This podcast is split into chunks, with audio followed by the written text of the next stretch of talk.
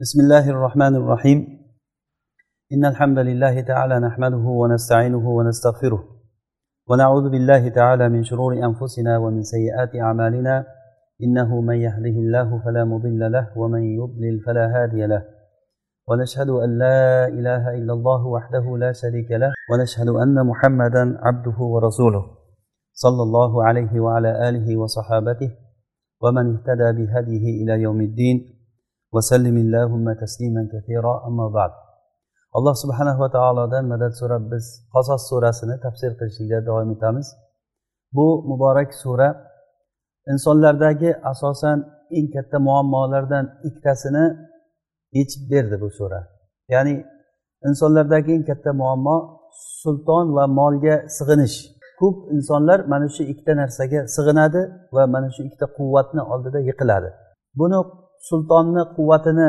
fir'avn misolida alloh taolo ko'rsatib berdi va molni misolini ya'ni boylikni misolini qorunni misolida ko'rsatib berdi asosan bu muborak surani boshida fir'avn haqida surada gap ketadi juda ham qisqa gapirgan alloh taolo fir'avn haqida inna fir'avna ala fil ard وجعل أهلها شيعا يستضعف طائفة منهم يذبح أبناءهم ويستحيي نساءهم إنه كان من المفسدين ya'ni fir'avnni boshidan alloh taolo aytdiki fir'avn judayam yerda fasod qilib o'zini katta olib kibrlanib ketdi va xalqini har xil toifalarga bo'lib bir toifani ezib ularni qonini ichib zulm qildi.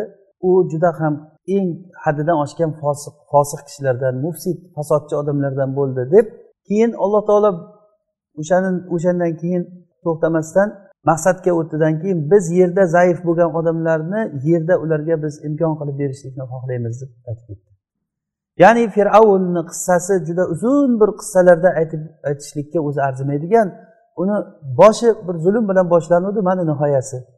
Mani boshlanishligi mana nihoyasi tugadi degani. Va lekin asosiy maqsad bu zolimni borligi emas. Xuddiki fitna darslarimizda aytganimiz kabi muammo munofiqlarni ichimizda borligi emas. Muammo o'sha munofiqqa quloq soladigan mo'minlarni borligida. Zolimni borligi muammo emas.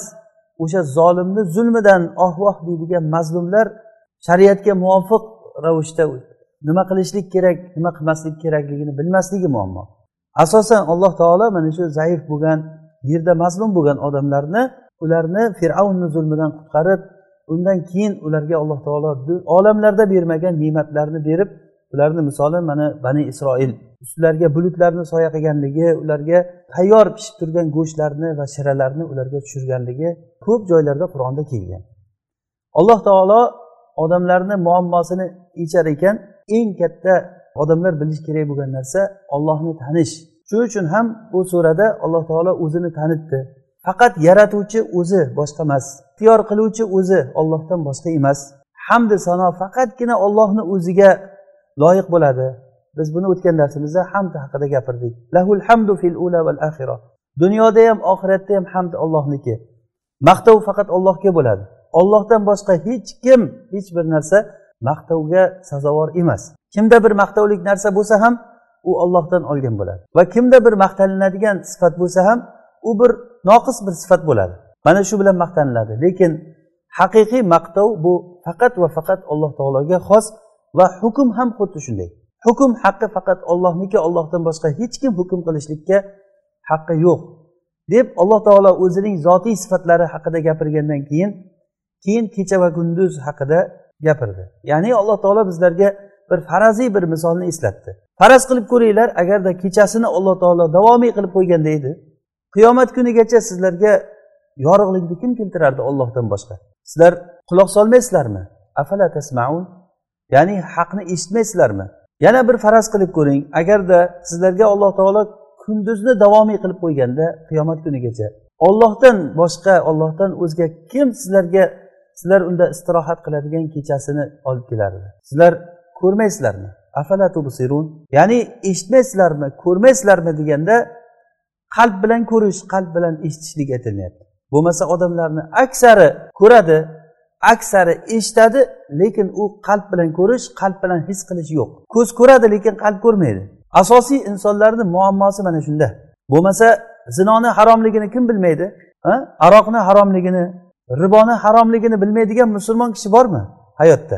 Lekin nechta musulmon ribodan tiyilyapti? Yolg'onni haromligini kim bilmaydi? Hamma biladi. E, muammo nimada? Muammo ilmsizlikdami? Muammo ehsos o'sha his qilishlik yo'qligida. Alloh taolo mana shu his qilishlikni uyg'otishlik uchun odamlarga alloh taolo aytdiki mana kechasini faraz qilib ko'ringlar mana shunday deb o'ylab ko'ringlar. Kunduzini faraz qilib qo'yinglar ko'ringlar mana shunday bo'lsa deb faraziy bir misolni keltirdi. Biz bilan sahobalar o'rtasidagi o'rtamizdagi farq ham hozirgi bizni voqeligimizdagi musulmonlar bilan sahobalarni farqi ham o'sha ehsosni yo'qligi ilmni ko'p ozligida emas. Bo'lmasa sahobalar qo'lidagi qur'on mana shu qur'on. O'sha sunnat mana shu sunnat. Qur'on hech bir harfi o'zgargan emas. Hadis to'plami bilan bizni qo'limizga kelib tushyapti. Talabalar uni dars qilyapti. Butun sunanlarni masjidlarda uni o'qib o'tkazilinyapti.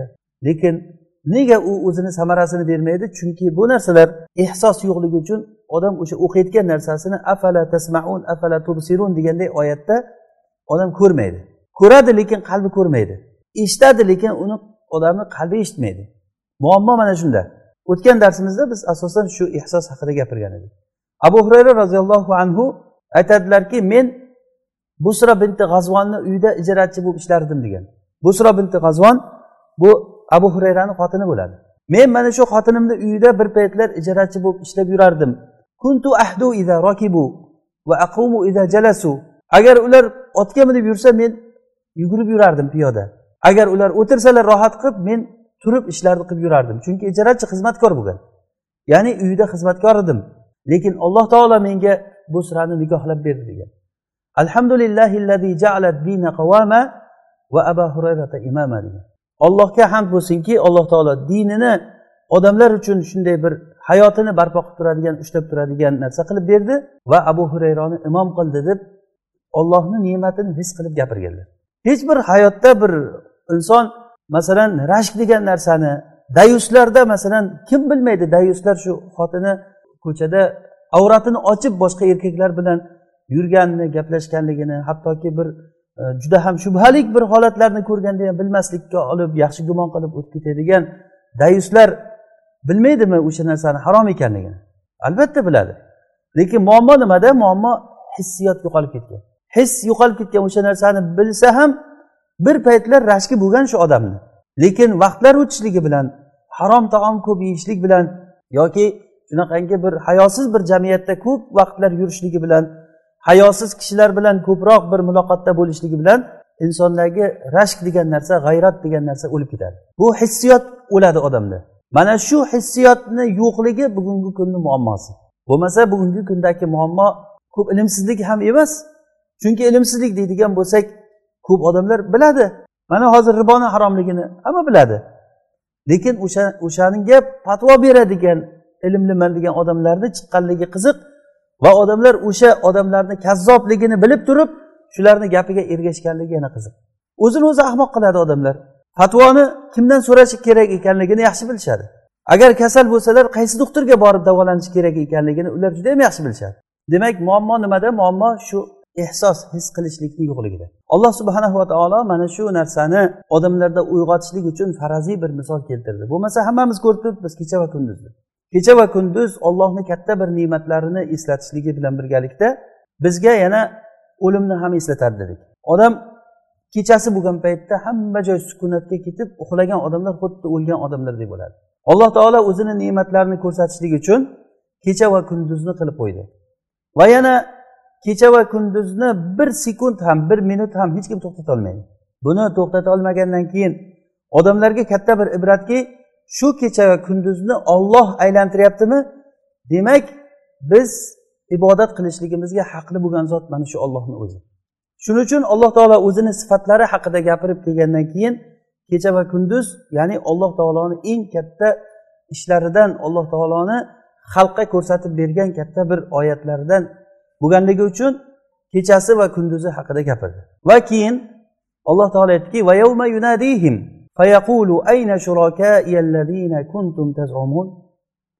alloh taolo aytadiki qiyomat kunida ya'ni voqeani alloh taolo dunyoda kecha kunduzi gapirib turib keyin mubosharatan shuni orqasidan oxirat haqida gapirib ketdi.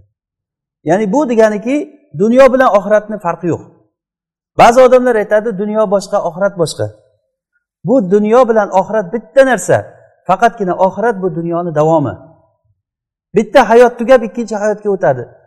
Dunyoda qanday bo'lsangiz oxiratda shunday bo'lasiz degan shuning uchun ham alloh subhanava taolo qur'onda oxirat bilan dunyoni bir xil o'rinda keltiradi. Hozir dunyo haqida gapirib turib ومن رحمته جعل لكم الليل والنهار لتسكنوا فيه ولتبتغوا من فضله ولعلكم تشكرون ويوم يناديهم qiyomat kuni haqida gapirib ketdi ya'ni alloh taolo qiyomat kunida ularga nido qiladiki sizlar biz bizni ilohimiz bu bizga yordam beradi deb yurgan ibodat qilib yurgan olihalaring qani ayna kuntum tazumun ya'ni shirk haqida alloh taolo gapiryapti bu yerda vaholanki undan oldin o'zi shirk haqida gap ketgan yo'q shirk haqida gapirilgan alloh taolo o'zini tanitdi kecha va kunduzni gapirdi va keyin shu surada davomida shirk haqida gapiryapti ayna kuntum tazumun sizlarni davo qilib yurgan butlaring yordam beradi deb yurgan olihalaring qani ونزعنا من كل أمة شهيدا فقلنا هاتوا برهانكم فعلموا أن الحق لله وضل عنهم ما كانوا يفترون ya'ni ularni o'zlaridan bir guvohlarni olamiz biz mufassirlar bu shahidan guvohlar deganda payg'ambarlar degan xuddiki boshqa surada alloh taolo niso surasida aytgani kabi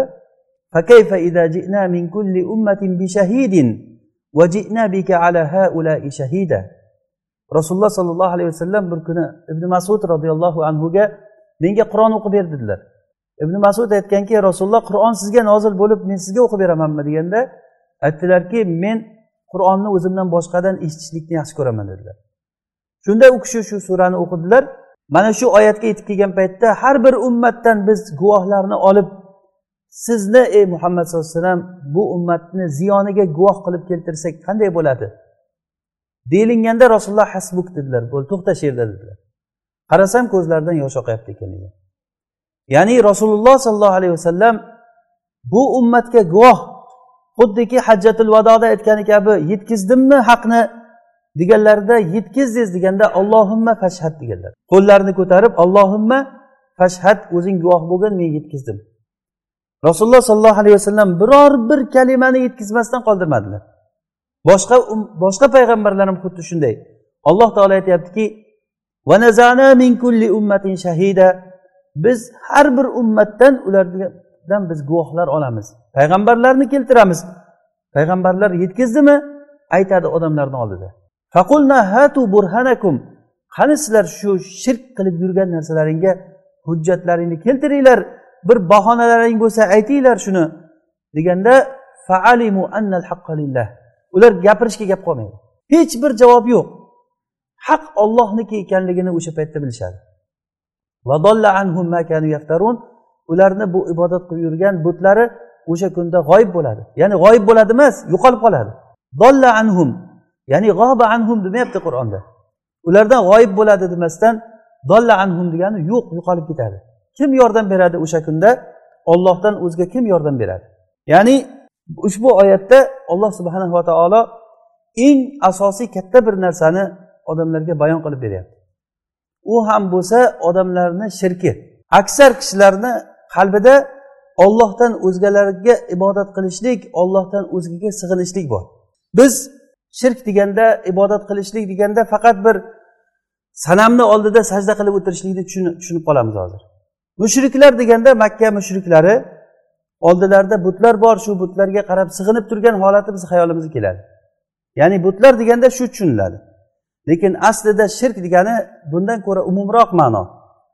Hozirgi mana shu biz o'qiydigan oyatda alloh taolo kecha va kunduz haqida gapirib o'zini sifatlari haqida gapirib turib keyin shirk haqida gapirganligi ham bilinadiki alloh taologa haqli bo'ladigan sifatlardan bir sifatni ollohdan boshqaga agar beriladigan bo'lsa u shirk bo'ladi. Ollohni yaxshi ko'rish kerak ollohdan o'zgani ollohda yoki ollohdan ko'p yaxshi ko'rsa bu shirk bo'ladi. Ollohdan o'zgadan qo'rqishlik ollohdan o'zgadan umid qilishlik ollohdan boshqalarga tavakkal qilishlik yaxshi ko'rishlik ollohdan boshqalarga tama qilish bularni hammasi shirk bo'ladi. Ya'ni agar inson qalbiga quloq solib qaraydigan bo'lsa ko'p narsalar ko'p muammolarni inson o'zini qalbida topadi. Mana shu muammoni yechib ollohdan boshqa ta'sir qiluvchi kuch yo'q ollohdan boshqa qo'rqilinadigan narsa yo'q. Deb alloh taolo buni ochiqdan ochiq qur'onda bayon qildi. Odamlarga hech bir uzrni qoldirmadi. Shuning uchun ham alloh taolo aytyaptiki ular qani sizlarni shirklaring? Qani sizlarni ibodat qilib yurgan odamlaring? Sig'ingan kishilaring qani? Deyilingan paytda hech kim javob berilmaydi. Hamma jim bo'lib qoladi. Mushrik bo'lgan kimsalarni o'sha kunda tillari orqasiga tortilib ketadi. Chunki uzr yo'q. Alloh subhanava taolo bu hayotda ochiqdan ochiq odamlarga bayon qilgan. Hech bir uzr qolmagandan keyin ular faalimu annal haqqalillah ular aniq bilishadi va ularni birdan bir umidi shu bo'ladiki qaniydi biz u dunyoga qaytarilsak o'sha kuni mo'minlardan bo'lsak shu boshqa narsa emas. Alloh taolo shuaro surasida xuddi shunday ma'nodagi oyatlarni keltirib aytadiki bu ibrohim alayhissalomni tiliga ko'ra aytilingan qiyomat kunida na farzandlar va na moli dunyo foyda bermaydi. Illa man biqalbin salim. Salomat qalb bilan ollohga kelsa salomat qalb degani shirkdan salomat qalb degani. Shirk deganda biz umumiy ma'noni tushunyapmizki olloh subhanahu va taologa beriladigan sifatlardan xoli bo'lgan qalb degani. Alloh taologa beriladigan sifatlarni boshqalarga berishlikdan xoli bo'lgan salomat bo'lgan qalb. Illa man bi qalbin salim va uzlifatil jannatu lil muttaqin va burrizatil jahimu lil g'ovin va qila lahum aynama kuntum ta'buduna min dunillah? Hal yansurunakum aw yantasirun? Xuddi shu hozirgi biz qasos surasida o'qigan ma'nolar. Alloh taolo aytadiki qani sizlarni ibodat qilib yurgan sig'inib yurgan kishilaring qani? Sizlarga bir yordam beradimi? Yoki ularni qo'lidan bir ish keladimi? Yordam so'ranglar qani yordam beradimikan shunda fakubukibu fiha hum val g'ovun va junudu iblisa ajmaun qalu va hum fiha yahtasimun tallohi in kunna lafi dalalin mubin. Iz nusawwikum bi robbil alamin. Ya'ni u kunda qiyomat kunida ularga qani keltiringlar butlaringni sizlar sig'inib yurgan kishilaringni keltiringlar yordam bersin. Deyilingan paytda hech kim hech narsa deyisholmay qoladi. Shunda aytishar ekanki ollohga qasamki biz adashgan ekanmiz. Tallohi inkunna lafi mubin. Biz ochiqdan ochiq zalolatda bo'lgan ekanmiz. Ularni zalolati nimada? Bi robbil alamin. Biz o'sha butlarni robbil alaminga tenglashtirgan paytimizda. Demak muammo mana shunda. Mana bu joyda qur'onni bir ajib bir ta'biriga qarasak tallohi deb turib qasam ichishlikda vallohi demasdan tallohi qasam bilan keltiryapti. Ya'ni bu tallohi degani vallohi degan qasam ichishlikdan farqi shundaki bu arab tilida vovul qasam va taul qasam deb aytilinadi. Ba'zan vallohi deyilsa ba'zan tallohi deyiladi. Buni farqi shuki tallohi deganda taajjub ma'nosi qo'shilinadi qasamga. Ya'ni qasam ichamizki lekin ajib qanday qilib turib biz mushrik bo'ldik ekan degani. Ya'ni bu qasam ichib turib yana ajablangan kishini qasam ichishligi bu. Xuddiki yusuf alayhissalomni akalari yusuf alayhissalomni qissasi hammamizga mashhur. Ular shom diyorida qurg'oqchilik bo'lgan paytda misr diyoriga bug'doy olib kelishlik uchun misrga borishadi.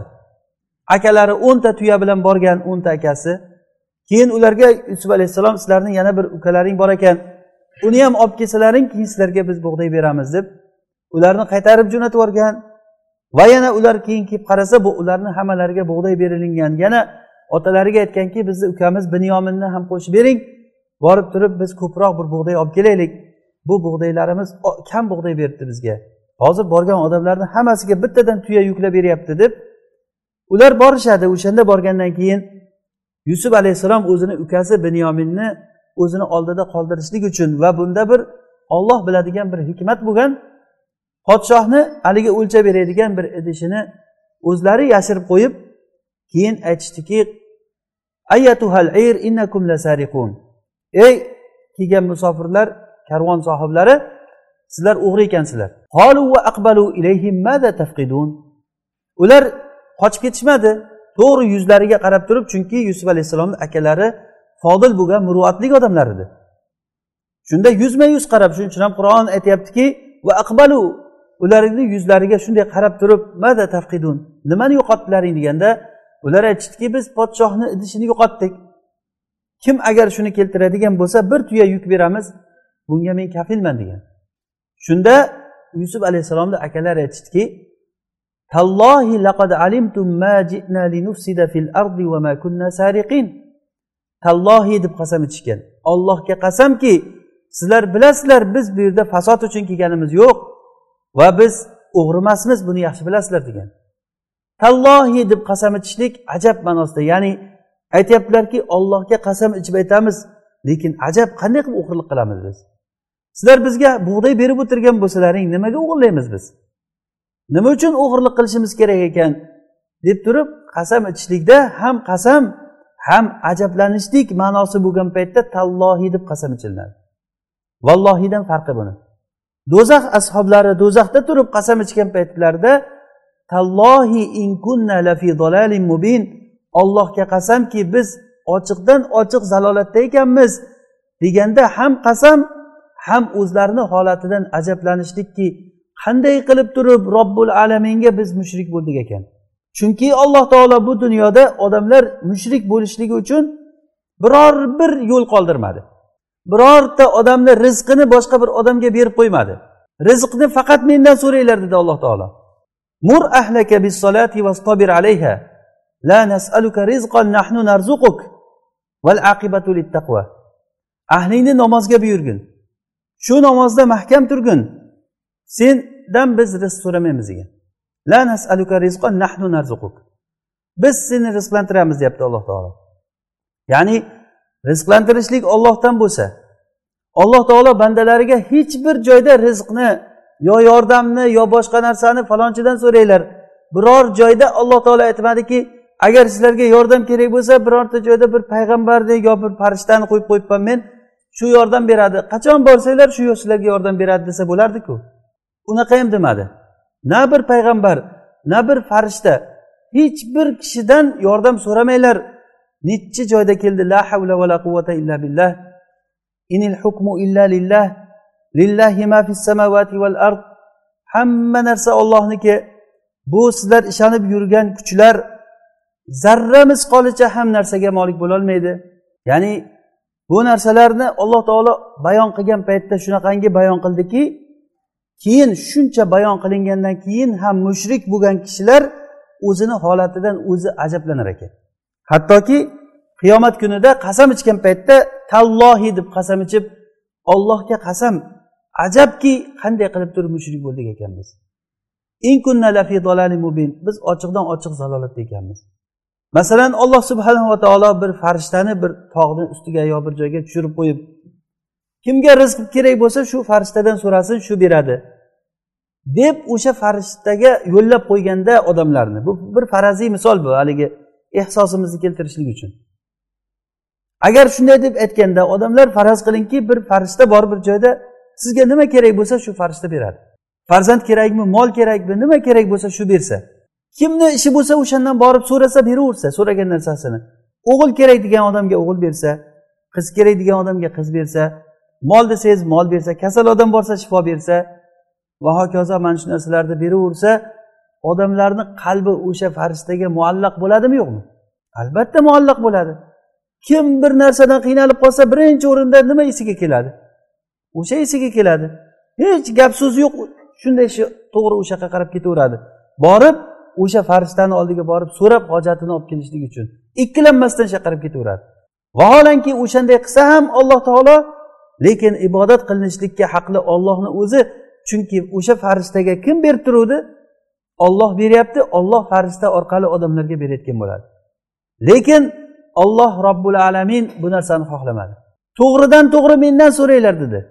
Uduni astajib lakum. Mendan so'ranglar men sizlarga javob beraman degan. Ollohdan so'rashlik alloh taologa odam o'zini xor olishlikda mo'min kishini azizligi bo'ldi. Ollohdan o'zga kim sizga yordam bersa sizga xorlik keladi albatta. Kim agar sizga bir tomondan yaxshilik qilsa shu yaxshilik qilgan kishi tomonidan sizga xorlik keladi o'shandan.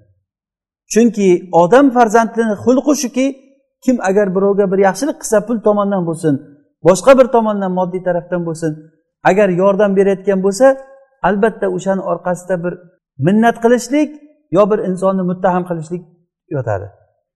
O'sha uchun ham rasululloh sollallohu alayhi vasallam o'ziga yaqin bo'lgan sahobalarni o'zi umuman rasulullohni ta'limotlari odamlardan hech narsa so'ramanglar deganlar. Hattoki qo'lidagi qamchisi tushib ketgan abu bakr tushib qamchini tuyasini yotqizib o'zlari qamchini oldilar. Shunda atrofda ko'rib o'tirganlar olloh rahm qilsin sizni ey abu bakr bizga bir og'iz aytganingizda shu qamchini qo'lingizga olib berardik deganlarida meni halilim menga vasiyat qilganki hech kimdan hech narsa so'ramaslikni degan. Ya'ni nega bunday tarbiya qildilar rasululloh? Chunki hech kimdan hech narsa so'ramaslik xulqi buni orqasidan insonda ollohga sig'inishlik yotadi. Kasal bo'lsangiz ham har qanday muammoga uchrang birinchi o'rinda inson qalbiga kelayotgan narsa olloh yordam beradi. Xuddiki zubayr ibn avom o'lish paytida o'g'illariga vasiyat qilib abdulloh ibn zubayrga katta qarz tashlab ketgan bo'yinlarida ikki million ikki yuz ming dirham qarzi qolgan ekan. Ikki million ikki yuz ming dirham. Juda katta qarz bu. Shunda o'g'liga aytganki meni qarzimni to'laysan va yana agar qiynalib qolsang meni mavlomdan so'ra degan. Abdulloh aytadiki meni hech esimga kelmabdi shu paytgacha. Hatto otamdan so'radimki ey ota sizni mavloyingiz kim? deb so'raganimda mavlom olloh deb aytdi degan. Shundan keyin abdulloh ibn zubayr aytadilar buxoriyni rivoyatida qaysi bir joyda men bir agar muammoga duch kelib qolsam ey zubayrni mavlosi yordam ber desam shunday yo'lim ochilib ketaveradi degan. Ya'ni mavlo alloh taolo sahobalarni mavlosi bo'lgan. Qachon insonni olloh taolo mavlosi bo'ladi? Bu bir kunda ikki kunda bo'lib qolayotgan masala emas bu. Bu xuddiki bir o'simlikka o'xshab sekin sekin ko'karadigan yoki ona qornida paydo bo'ladigan bir chaqaloq sekin sekin kundan kunga soat soat o'sib boradiganday inson qalbida robbil alaminga bo'lgan suyanch insonni fikrlashligi bilan sekin sekin bu narsa rivojlanib boradi. Ya'ni inson qancha fikrlang qancha shuning uchun yoshingiz katta bo'lsin qancha tajribangiz ko'p bo'lsa agar shunda agar ibrat ko'zi bilan ko'rgan odam uchun ibrat qulog'i bilan eshitgan odam uchun katta bir ibratlanarli narsalar bor. Toki alloh subhanava taolo insonni mavlosi bo'lib qoladi. Mushriklar do'zaxda ular mana shunday ochiq zalolatda ekanliklarini sababi nima ekanligini o'zlari bayon qilib qur'onda alloh taolo aytyaptiki in kunna lafi mubin bi robbil alamin. Sizlarni biz robbul alaminga teng qilgan paytimizda biz haqiqatdan ham ochiqdan ochiq adashgan ekanmiz. Ularni boshqa bir bahonasi qolmaydi. Qilmadik desa o'zlarini qo'llari terilari oyoqlari gapirib turibdi. Hech inkor qilishlikni iloji yo'q. Shunda inson tabiati shuki nimadir bahona qilish kerak. Shunda aytar ekanki bizni mujrim odamlar adashtirdi deydi. Lekin bu aytganliklari ularga foyda bermaydi. Ularni do'zaxda husumatlari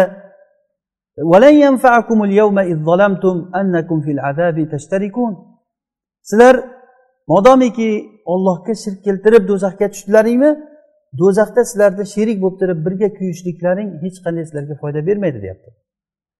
Ya'ni odamni tabiati shundayki inson agar azobda bir odamni sherik bo'lganligini ko'rsa azob yengillashadi odamga. Agar siz pulingizni o'g'irlatib qo'ysangiz masalan pulingizni o'g'irlatib qo'ysangiz sheriklaringiz ham hammasi yo'qotib qo'ygan bo'lsa hamma kuladi o'sha payt. Ham ajab bo'libdi hammamizniki yo'qolib qolibdi deb turib o'sha paytda musibat yengillashadi. Chunki bitta o'zi yo'qotib qo'yganingiz yo'q. Ya'ni inson tabiati shunaqa. Bo'lmasa musibat o'sha musibat. Sheriklaringiz yo'qotib qo'yganligi sizga hech qanday yengillikni bermaydi asli moddiy jihatdan. Lekin nima uchun insonga shu narsa oson tuyuladi? Inson tabiati shunday. Masalan bir kasal bilan inson mubtalo bo'lsa keyin atrofidagi odamlarni ham shunaqa kasalligini ko'rsa ye qo'rqma hamma kasal ekan deyiladi. Hamma kasal ekan deyiladi. Puldan ajralsa ham hammani puli ajralgan sog'ligidan ajralsa yoki inson qarib qolgan paytda o'zi tengi kishilarni ko'rsa qariyotganligini o'zini ham qariyotganligini ko'rsa hammamiz qariyapmizku deydi.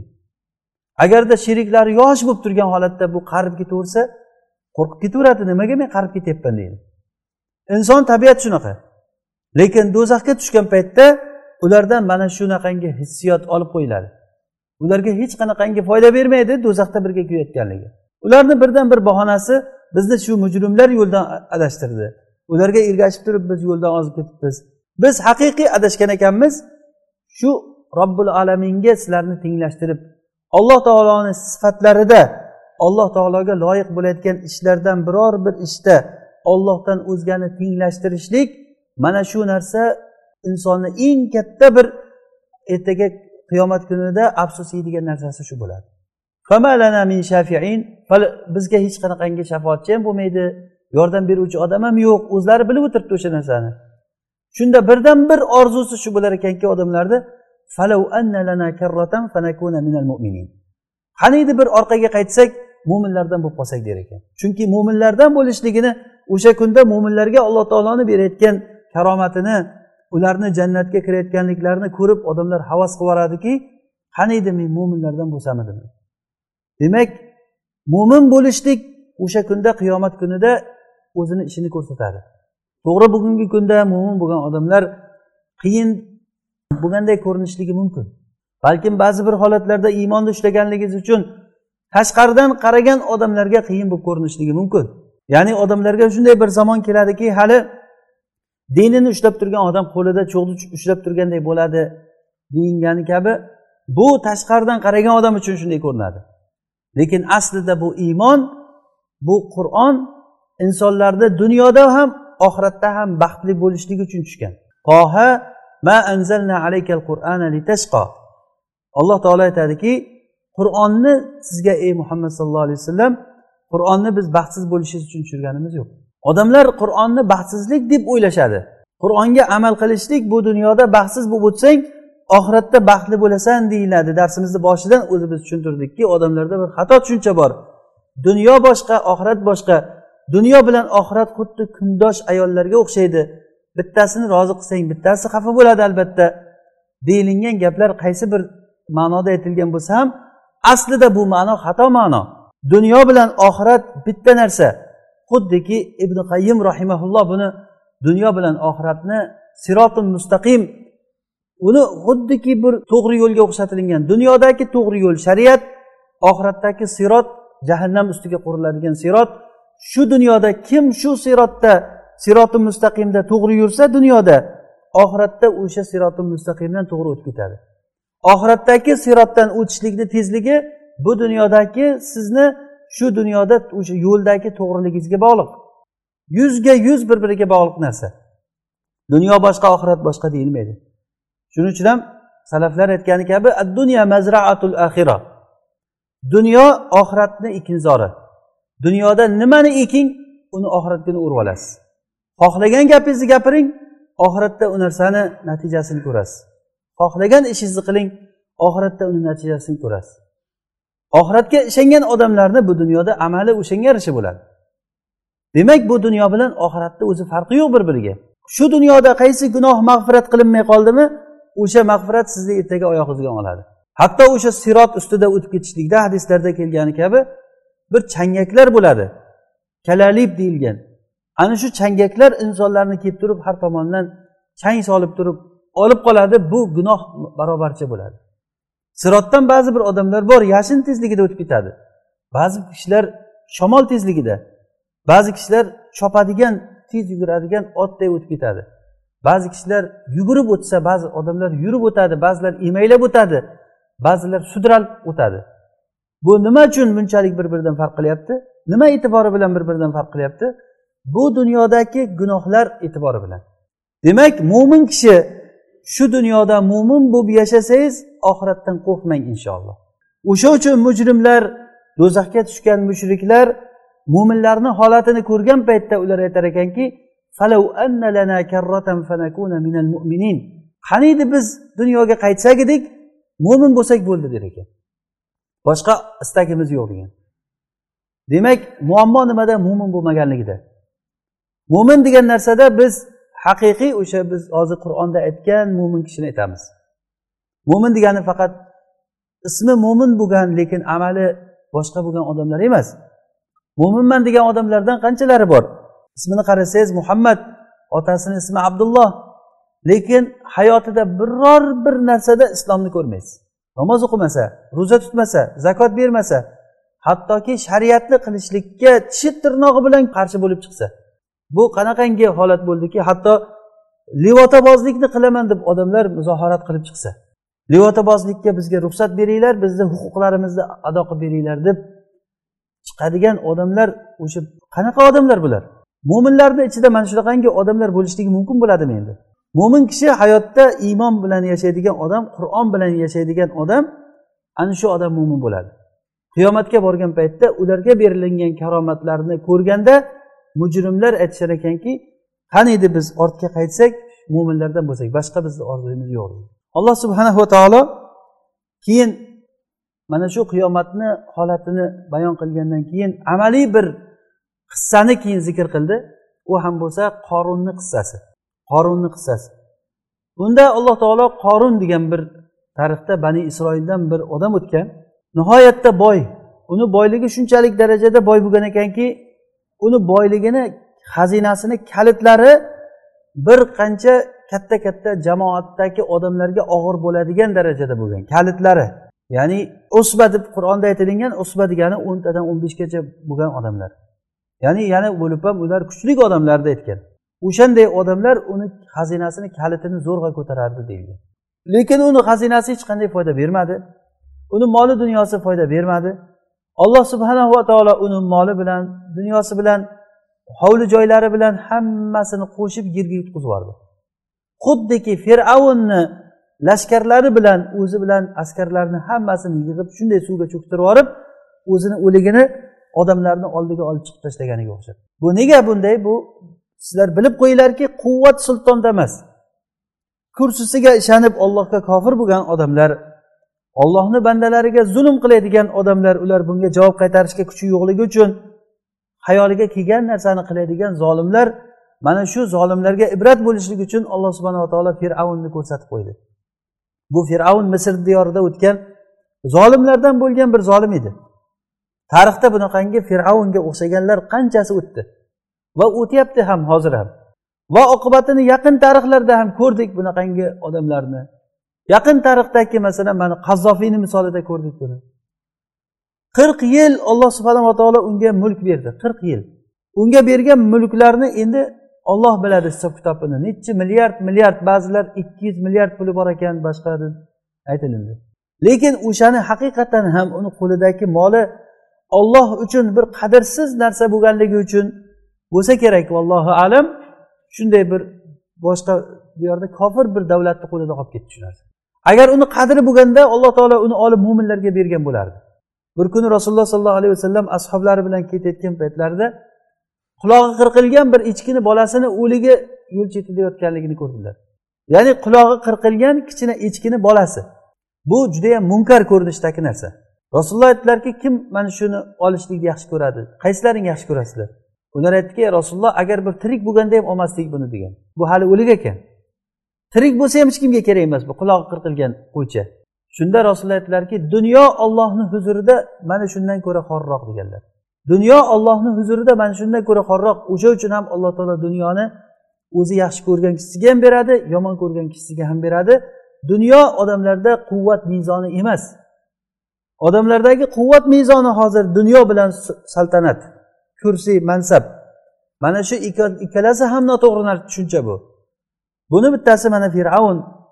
Buni ko'rdik mana hozirgi dunyoda ham o'sha qazzofiyni o'limini ko'ring. Agar ibrat uchun bir ko'ring shuni hozir ham bor youtubelarda bor shu. Ko'chadan bolalar ushlab chiqib turib qo'zg'olonchilari o'zini xalqini yigitlari shular turbani ichidan olib chiqib ko'chada urib urib xuddi kalamushni urib o'ldirganday urib o'ldirdi. Yoshi bir joyga borgan payt. Hayotdan yashagan ne'mati qayerga ketdi endi uni? Topgan puli shuncha milliardlab musulmonlarni pulini yashirib u yoqqa tiqib bu yoqqa tiqib qancha tillosi bor ekan deyildi. Uni ham olib qo'ydi. Yaqinda uni o'g'lini o'limga hukm qilindi. Mana bu ham hayotdan yashab o'tdi. Xuddi bir fir'avnni misoliga o'xshagan bir misol bu ham. Bu narsa har birimiz uchun ibrat bo'lishlik kerak bu narsa. Katta bir zolimni ko'rinishida fir'avnni alloh taolo ko'rsatib qo'ydi va ikkinchi misoli qorunni bir boy kishini misolini ko'rsatib berdi. Agarda uni ham moli dunyosini agar hovli joylarini agar ollohni huzurida ozroq bo'lsa ham qadri bo'lganda edi uni bani isroilga olib berardi alloh taolo. Lekin alloh taoloni huzurida umuman qadrsiz narsa ekanligini ko'rsatib alloh taolo aytyaptiki uni va uni hovlisini moli dunyosi bilan birga qo'shib yerga yutqizib yubordik degan. Unga ollohdan o'zga yordam berayotgan bir jamoasi bo'lmay qoldi. Uni qo'riqchilariyu uni boshqasi hech kim yordam berolmay qoldi. Demak buni bilishlik kerakki inson pulga intilgan pul bo'lsa bo'ldi pul bo'lsa cho'ntagingda pul bo'lsa changalda sho'rva deb turib hamma ishni qilsa bo'ladi degan odamlar bilib qo'ysinki bu pul hech narsaga joyi kelgan paytda rol o'ynamaydi bu. Buni faqatgina ko'rgan odamlar biladi buni. Ya'ni qalbi bilan ko'rgan odamlar biladi. Qancha qancha atrofimizda boy kishilar bor o'lib ketyapti. Moli dunyosini hali o'lmasdan oldin o'zini bo'ynidan o'zi bo'g'ib turibdi moli dunyosi. O'sha moli dunyosi bo'lmaganda yengilroq ham o'lishi mumkin edi shu. Yoki mansab odam egalari bor qancha qancha ichimizdan ketyapti. Alloh taolo aytdiki inna qoruna kana min qavmi musa fabag'a alayhim. Qorun musoni kana min qavmi musa. Muso alayhissalomni qavmidan edi. Demak bu qur'on nassi bilan aytilyaptiki qorun bani isroildan bo'lgan. Va tabariy rahimaulloh o'zlarini tafsirida keltirgan muso alayhissalomni amakisini o'g'li bo'lgan ekan. Muso alayhissalom bilan amakivachcha ya'ni urug'dan muso alayhissalom bilan bir urug'dan bo'lgan. Lekin bu odam aynigan alayhim u bani isroilga haddidan oshdi ularga zulm qildi. Qoyim bo'lgan o'zini millatiga qoyim bo'lgan. Fir'avn qibtiylardan bo'lgan bani isroilni ezgan. Fir'avnku xo'p qibtiy ekan bu bani isroilni ezyapti ekan. Bani isroil allohga iymon keltirgan payg'ambar avlod bo'lgan mo'min qavm edi. Fir'avn kofir bo'lgan boshqa millatdan bo'lgan kishi edi. Bularni ezdi bularga zulm qildi. Lekin qorunchi muso alayhissalomni amakisini o'g'li payg'ambarlarni o'g'illari bular. Lekin shunday bo'la turib alayhim bu o'zini qavmiga bu sotqinlik qildi bu odam. Va unga biz mulkdan shunday bir katta mol dunyoni berdikki va ataynahu minal kunuz. Alloh taolo kunuz kanz degani arab tilida ko'mib qo'yiladigan umuman ochilmaydigan ishlatilinmaydigan ortiqcha narsa degani. Ya'ni uni haligi hozirgi aytganimizdagi aborotdagi aylanib turadigan pul emas u kanz degani bu ajratib olib qo'yiladigan narsa ko'mib qo'yilgan narsani kanz deydi. Unga shunaqangi konlardan shunchalik mol berdikki uni kalitini katta bir jamoat ko'tarib yurishligi og'ir bo'lar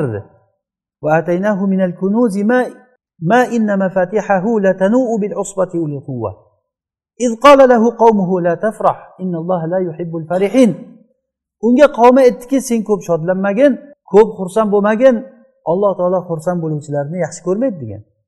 Ya'ni bu yerda xursand bo'lmagin deganligi botil bilan xursand bo'lmagin o'zingni qavmingga o'zing zulm qilganliging bilan sotqinliging bilan xalqingni sotib boshqa odamlarga qo'shilib o'zingni millatingga zulm qilganliging bilan xursand bo'lmagin. O'zi asli xursand bo'lish bilan xursand bo'lishni farqi bor. Xursand bo'lish ba'zi odamlar bor haqqa xursand bo'ladi. Xuddiki salmon al farsiyni xursandchiligini eshitgansizlar. Bu kishi rasulullohni izlab nimalar qilmadi? O'zi fors qavmidan bo'lgan otasi otashparast odam bo'lgan. Keyin haq istab haq istab otasidan qochib ketib rohibni xizmatida bo'lgan keyin u rohib o'lish paytida meni kimga vasiyat qilasiz? deganda falon shaharda bir rohib bor men o'shandan boshqasini bilmayman. Haq kerak bo'lsa o'shanga bor degan keyin uni oldiga borgan uni xizmatini qilgan u o'lish paytida endi nima qilay men deganda falon shaharda bitta rohib bor o'sha bor o'shani oldiga borgin undan boshqa haqni bilmayman men degan. Oxirgi rohib aytganki endi haq qolmadi yer yuzida degan. Yaqinda bir payg'ambar chiqadi madinani yeridan aytgan xurmolik joydan chiqadi uni uchta alomati bor. Birinchisi sadaqani yemaydi ikkinchisi hadya yeydi uchinchisi ikki yelkasini o'rtasida nubuvvatni xotimi nubuva alomati bor degan. Xuddiki kaptarni tuxumichalik keladigan bir alomati bor degan. Agarda senga olloh nasib qilib o'sha payg'ambarni topsang haqni topasan degan. Tamom u kishi dunyodan o'tgandan keyin salmon farsiyni birdan bir orzusi shu kishini topish bo'lgan. Keyin madinaga ketayotgan karvonga o'zini ancha yildan beri ishlagan mollari qo'ylari bo'lgan shu qo'y mollarni beraman meni madinagacha olib ketsanglar bo'ldi deb kelishgan. Haqni topish mana shunday bo'ladi. Haq agar inson uchun qadrli bo'lsa odam cho'ntagidagi pulini ham hech narsani ayamaydi beradi shunga. Xuddiki hozirgi zamonda odamlar haqni sotib boshqa narsani olayotganiga o'xshaydi. Aksi bo'lib ketgan. U kishiga rozi bo'lib turib haligi odamlar mollarini qo'ylarini olib yarim yo'lga borgandan keyin xiyonat qilib o'zini qul qilib sotib yuborgan bir yahudni qo'liga tushgan qul bo'lsa ham madinaga keldim deb xursand bo'lgan u kishi. Va u kishini umidlari rasulullohni ko'rish bo'lgan. Kunlardan bir kuni u kishi xurmoni ustida xurmoni mevalarini qirqib xurmoni bir xizmatini qilib turgan paytda o'zini xo'jayinisi ukasi bilan birga xurmoni tagida gaplashayotganligini eshitib qolgan bir payg'ambar kelibdi ekan. Odamlar hammasi mana banu qaylani bolalari banu qayla deb e, yasrib nimani aytgan madina ahlini. Avus va hazraj. Shular hammasi uni atrofiga yig'ilib turib nima qilishyapti payg'ambarman deyapti degan gaplarni eshitgandan u kishi oyog'i qaltiraganligidan qurbon ustidan tushib ketay dedim degan shu xursand bo'lganligidan o'sha paytdagi xursandchiligini bir tasavvur qilib ko'rsangiz hatto qanday xurmoni ustidan pastga tushganimni ham bilmayman deydi. Borib haligi yahudni ukasiga qarab nima deding yana gapirgin yana nima deding sen deganda haligi yahud qattiq urgan ekan seni nima ishing bor bor yo'qol ishingni qilgin deb haligi payg'ambar kelibdi degan gapini shu bilan rasulullohni oldiga borgan o'zi mehnat qilib topib puliga xurmo olib turib rasulullohni oldiga borib borib aytgan ekanki mana meni ozroq sadaqam bor edi shuni sizga berdim. deganda rasululloh sollallohu alayhi vasallam oldiga qo'yib turib yeyglar deganlar o'zlari yemaganlar. Yeyglar deb turib yemagan bu aytgan bu birinchisi degan sadaqa yeydi degan yemaydi degan joyda. Keyin yana ishlab xurmo topib olib kelib turib mana bu sizga hadya deb berganda rasululloh yedilar va ashoblariga ham yeyglar dedilar. Bu ikkinchisi degan. Uchinchisi u kishini badanlarida xotami nubuva alomati bor deyilinganligi uchun u kishi shuni ko'rish payida yurgan bir kuni rasululloh sollallohu alayhi vasallam janozaga chiqdilar. Bu kishi ham salmon ham rasulullohni orqasidan chiqqan. Shu aylanib rasulullohni qanday bo'lsa ham shu alomatini ko'raman deb atrofida aylanayotganligini rasululloh e, bilganliklaridan ko'ylaklarini ko'tardilar. Ko'targanlarida o'sha xotimi nubuva haligi xuddi o'zini ustozi rohib kishi aytgan alomatni ko'rgan. Mana shuni ko'rgan paytda rasulullohni quchoqlab yig'lagan. Endi bu xursandchilik bilan mana bu xursandchilik haqiqiy odam haqni topgan paytdagi xursandchilik buni haqqa ergashaman degan odamlargina biladi. Ammo qoringa o'xshagan odamlar bo'layotgan bo'lsa pul topgan paytda xursand bo'lib mo'minlarni yoki boshqa bir odamlarni nohaq pulini qo'parib ularga zulm qilib bir narsalarni olib kelib uyga olib kirgan paytda eshikni quflagan paytda xursand bo'lishlik hech kim ko'rmay qoldi men bopladim hammasini degan xursandchilik ana shu xursandchilikni qaytarib aytyaptiki sen ko'p shodlanmagin. La tafroh innalloha la yuhibbul farihin.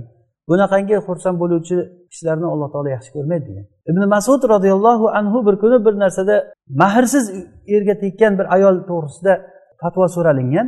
Mahr mahr belgilanmagan. Shunda u kishi fatvo berganlarki rasulullohdan biror bir hadis eshitmagan ekan bu haqda.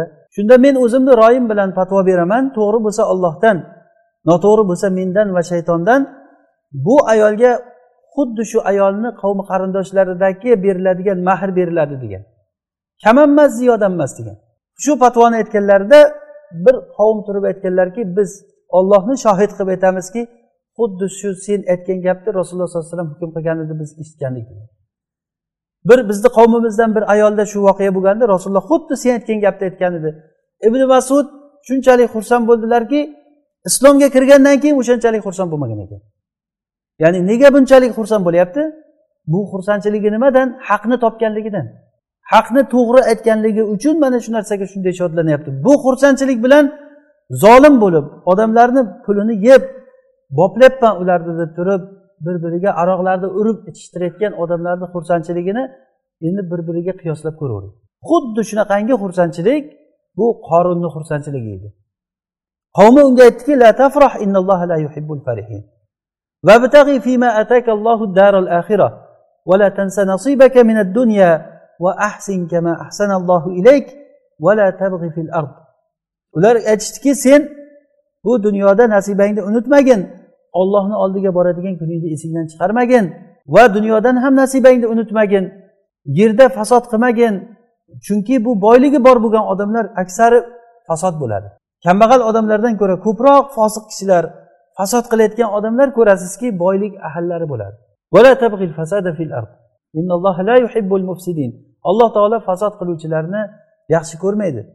Shunda bu odam aytdiki kibrlanib bu narsalar o'zimdan bo'ldi. O'zim meni tajribakorligimdan mani vaqtida o'qidim institutlarda o'qidim jomiyalarda o'qidim. Sizlarga o'xshab yurmaganman palonchilarga o'xshab. O'qiganman mana erishdim. Deydiganday men o'zimni o'zim bilan bo'ldim deganiga alloh taolo bunga bir qoidani aytyaptiki u odam bilmaydimiki undan oldin biz undan ko'ra quvvatliroq ilmi ham moli ham undan ko'ra quvvatliroq odamlarni biz halok qilib yuborganimizni bilmaydimi u ya'ni o'ylab ko'rsin undan oldin qancha odamlarni biz halok qilib yubordik. Bu manmansirashlik pul bilan manmansirashlik alloh taolo har bir odamni sinaydi. Mol beradidan keyin o'sha mol bilan odamni sinaydi. Bu mol menga kabiran an kabir ota bobomdan meros qoldi bu menga. Bu o'zi bo'ldi menga deydigan odam aksar odamlar mana shu narsa tili bilan aytmasa ham lekin qiladigan amali xuddi shu narsani ko'rsatadi. O'z o'zidan bo'lmayapti bu narsa. Bu mehnatni evaziga kelyapti. Bu narsa tinimsiz harakatlardan kelib bo'lyapti bu deb kimki o'zini amalini maqtasa bilingki o'zini ilmini maqtagan bo'ladi. O'zi qiladigan amal ilmdan kelib chiqadi. O'sha ilm kim berdi o'sha ilmni odamga? Ilmni oldida alloh taoloni fazli borligini inson esdan chiqarib qo'yadi. Mana shuni misolini alloh taolo qorunni misolida ko'rsatib qo'ygan. Ya'ni qisqacha aytganimizda qorun ziynatlarini kiyib qavmiga chiqqan paytda atrofida xizmatchilari ziynatlariga burkangan holatda qavmni ichiga chiqqan paytda dunyo hayoti bo'lsa bo'ldi menga deydigan odamlar ya laytalana mislama utiya qorun innahu lazu azim. Qaniydi shu qorunga o'xshagan bo'lganimizda biz? Qorunga juda alloh taolo o'zini nasibasini bergan olloh bergan odam bu devordi ular. Zolim edi u? Topadigan molini zulmdan topgan alloh taolo uni aytib o'tiribdi fabag'o alayhim. Ularga zulm qilgan zulm bilan topgan narsalarini. Lekin odamlar ichiga ziynatda chiqib xuddi hozirgi kunda qanaqangi yo'l bilan bo'lsa ham pul topgan odamlar agar xalq ichiga chiqsa moshinalarni minib har xil ziynatlari bilan odamlar ichiga chiqqanda dunyom bo'lsa bo'ldi deydigan odamlar ko'rib olloh bergan odam shu. Deydigan odamlar biladiki shu odam namoz o'qimaydi. Namoz o'qimagan odamni mujarrad faqatgina uni qo'lida moli borligi uchun olloh bergan deyishlik bu haqiqiy ilmsizlik shariatni bu tushunmaslik bo'ladi. U olloh bergan odammi yo olloh urgan odammi uni olloh biladi. Yaqinda ko'rasan nima bo'lganligini. Ertaga chang bosilsin ko'rasan seni tagingdagi otmi eshakmi deganday hali ertaga zulmat ketsin bilasan. Seni tagingda minib yurganing otmi eshakmi? Ertaga jon chiqqan paytda odam bilinadi kim ekanligi. Olloh berganmikan olloh urganmikan uni keyin biladi. Mana bu narsalar ochiqdan ochiq bizga bo'lgan ollohni hujjatlari. Mana shu hujjatlardan keyin hech bir kishida uzr qolmaydi. Hech bir kishida uzr qolmaydi. Alloh taolo odamlardagi bu kasalliklarni bu kamchiliklarni tuzatib bizga mana shu qorinni misolida bu narsani bayon qildi. Inshaalloh bu suhbatimizni hali davomi bor alloh subhanava taolo hammamizga hidoyat bersin foydali ilm bersin o'qigan eshitganlarimizga alloh taolo o'zi amal qilishlikka tavfiq bersin. Alloh taolo darslarimizga o'zi davomiy qilib baraka bersin. Va axiru davana alhamdulillahi robbil alamin.